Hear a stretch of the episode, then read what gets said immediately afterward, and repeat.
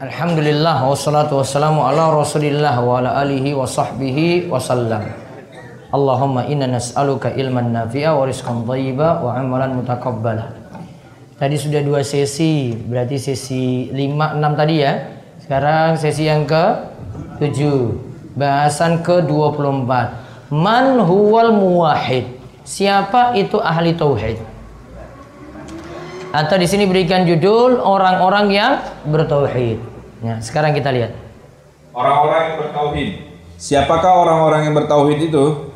Seseorang yang telah terhindar dari perbuatan syirik dengan ketiga macamnya tadi, yaitu tidak menyekutukan Allah dalam perbuatannya, tidak menyekutukan Allah dalam berdoa dan memohon, dan tidak menyekutukan Allah dalam sifat-sifatnya.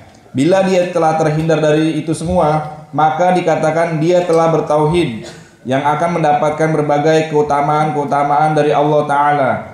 Kemudian, seseorang yang melakukan satu saja dari ketiga macam syirik di atas, maka dia tidaklah bisa dikatakan sebagai orang yang telah bertauhid, tetapi dia tergolong sebagai orang yang disebutkan di dalam firman Allah. Seandainya mereka mempersekutukan Allah, maka akan terhapuslah amalan yang telah mereka kerjakan. Quran Surat Al-An'am ayat 88 Dan firman Allah, Sungguh, jika kamu mempersekutukan Allah, maka akan terhapuslah amalanmu dan tentulah kamu tergolong orang-orang yang merugi. Quran surat Az-Zumar ayat 65. Kecuali kalau dia mau bertobat, lalu membuang semua bentuk kesyirikan yang telah dilakukannya, maka dia pun akan menjelma sebagai orang yang benar-benar bertauhid. Wahai Allah, jadikanlah kami termasuk golongan orang-orang yang bertauhid dan janganlah engkau jadikan kami termasuk golongan orang-orang yang mempersekutukan engkau.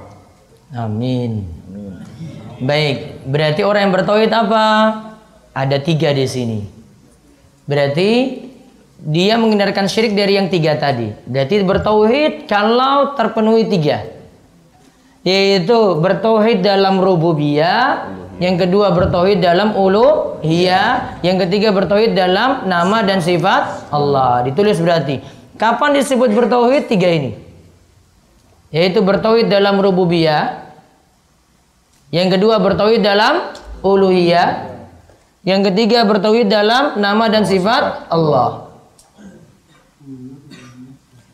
Bertauhid dalam rububiyah, yang kedua bertauhid dalam uluhiyah, yang ketiga bertauhid dalam nama dan sifat Allah.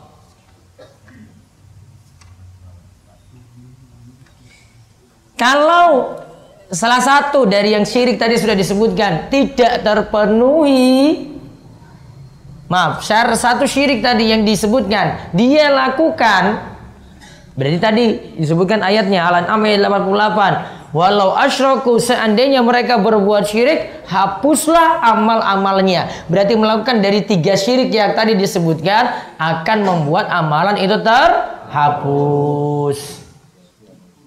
Jadi sia-sia. Dia sholat jadi sia-sia.